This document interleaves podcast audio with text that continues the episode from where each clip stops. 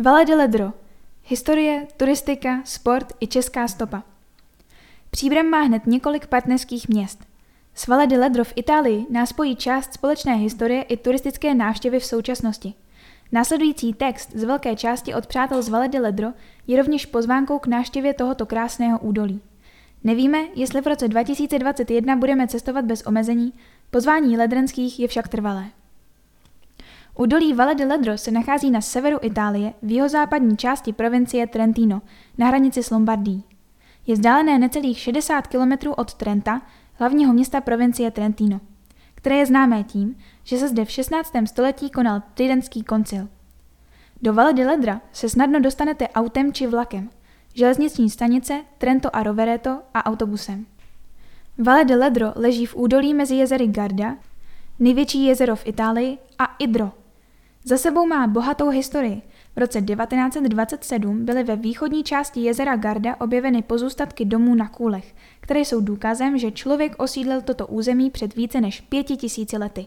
Zbytky obydlí ukrývaly mnoho pokladů, šperků, některé byly zhotoveny z baltského jantaru a předmětů denní potřeby, které jsou dnes uloženy v místním muzeu a jsou uvedeny na seznamu památek světového dědictví UNESCO. Valle de Ledro se vyznačuje specifickým klimatem, od vysokohorského až po středozemní, a to díky své poloze, která se pohybuje od nadmořské výšky 60 metrů až po více než 2000 metrů nad mořem. I místní fauna a flora jsou velmi specifické. Prusmyk tremoso je například známý díky migraci stěhovavých ptáků ze střední Evropy. Nachází se zde Centrum pro korouškování ptáků organizované místním muzeem, které se zabývá studiem ptačí migrace. V posledních letech se průsmyk stal rovněž jednou z hlavních turistických atrakcí, a to díky překrásnému výhledu táhnoucímu se od jezera Garda přes Apeniny až po vysoké alpské vrcholky západního Trentína. Val de Ledro se stává vyhledávanou turistickou destinací a přitahuje turisty z celé Itálie či Evropy, kteří si čím dál častěji volí ledrenské údolí za cíl svých dovolených. Ne náhodou patří Valle de Ledro mezi prvních deset turistických nejnavštěvovanějších prázdninových destinací v oblasti Trentino. Turismus v Ledrenském údolí je vhodný pro aktivní dovolenou, ke které patří různé outdoorové aktivity i pro relaxační pobyty. Velikou výhodu představuje jezero, které je centrem mnoha sportovních aktivit jako plavání, jachting, jízda na kanoji či na pedalboardu. Mnoho z místních obyvatel i turistů se věnuje běhání a cyklistice. Vyhledávané bývají také adrenalinové zážitky jako paragliding či canoeing.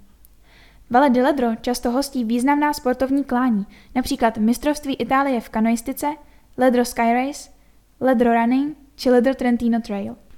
Jednou z výrazných postav zdejší sportovní scény je běžec na lyžích Federico Pellegrino, mistr světa a stříbrný medailista z olympijských her v roce 2018 v běhu na lyžích. A běžec na střední tratě Jeman Kripa.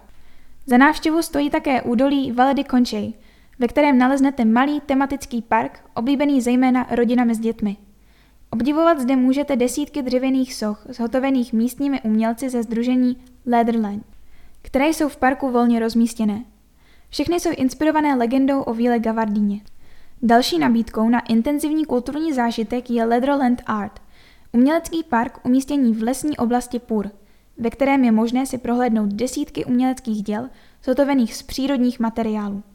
Každým rokem přibývají dvě až tři nová díla. Nelze také opomenout dva kostely v Tiarno di Sopra a Tiarno di Soto, které jsou známé vzácnými freskami a malbami ze 16. století a oltářním obrazem od Tintoreta. Zvonice ve vesnici Tiarno di Soto patří mezi nejvyšší v Itálii. Lákadlem pro turisty jsou zdejší restaurace, které nabízejí italskou kuchyni, ale také některá česká a moravská jídla – Recepty na ně si předkové současných obyvatel údolí přivezli z Čech, kam se byli v době první světové války nuceni vystěhovat, aby se vyhnuli blížící se frontě. Ochutnat můžete houskový knedlík, bramborovou polentu a mnohé jiné. Během první světové války patřilo údolí Ledro k jižnímu Tyrolsku, které spadalo pod tehdejší Rakousko-Uhersko. Jakmile v květnu roku 1915 Itálie vstoupila do války, údolí Valle de Ledro se stalo jižní rakousko-uherskou obranou linií – a proto se rakouští vojenští velitelé rozhodli evakuovat veškeré civilní obyvatelstvo, jež bylo následně přesunuto do vnitřních částí říše, mimo jiné do Čech a Moravy.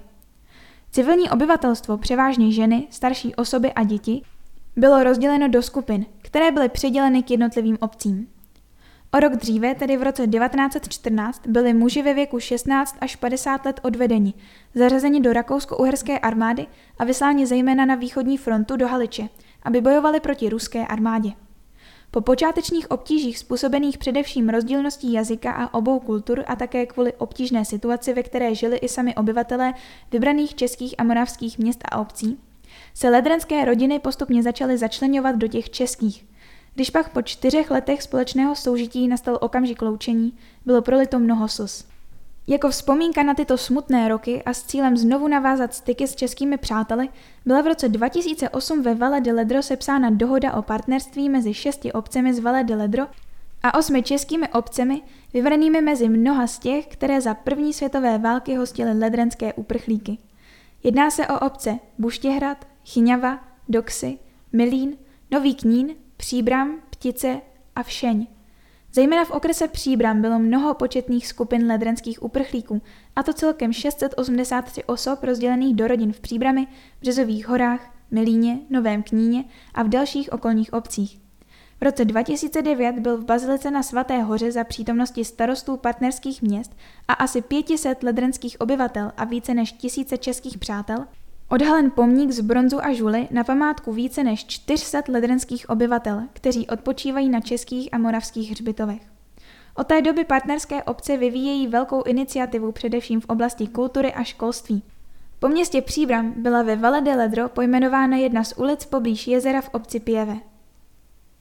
V roce 2018 jsme si připomněli z té výročí návratu válečných uprchlíků zpět do vlasti. Doba, která mezi tím uplynula, je přece jen dlouhá a tento náš společný příběh by mohl být snadno zapomenut. Chtěl bychom, aby žil dál.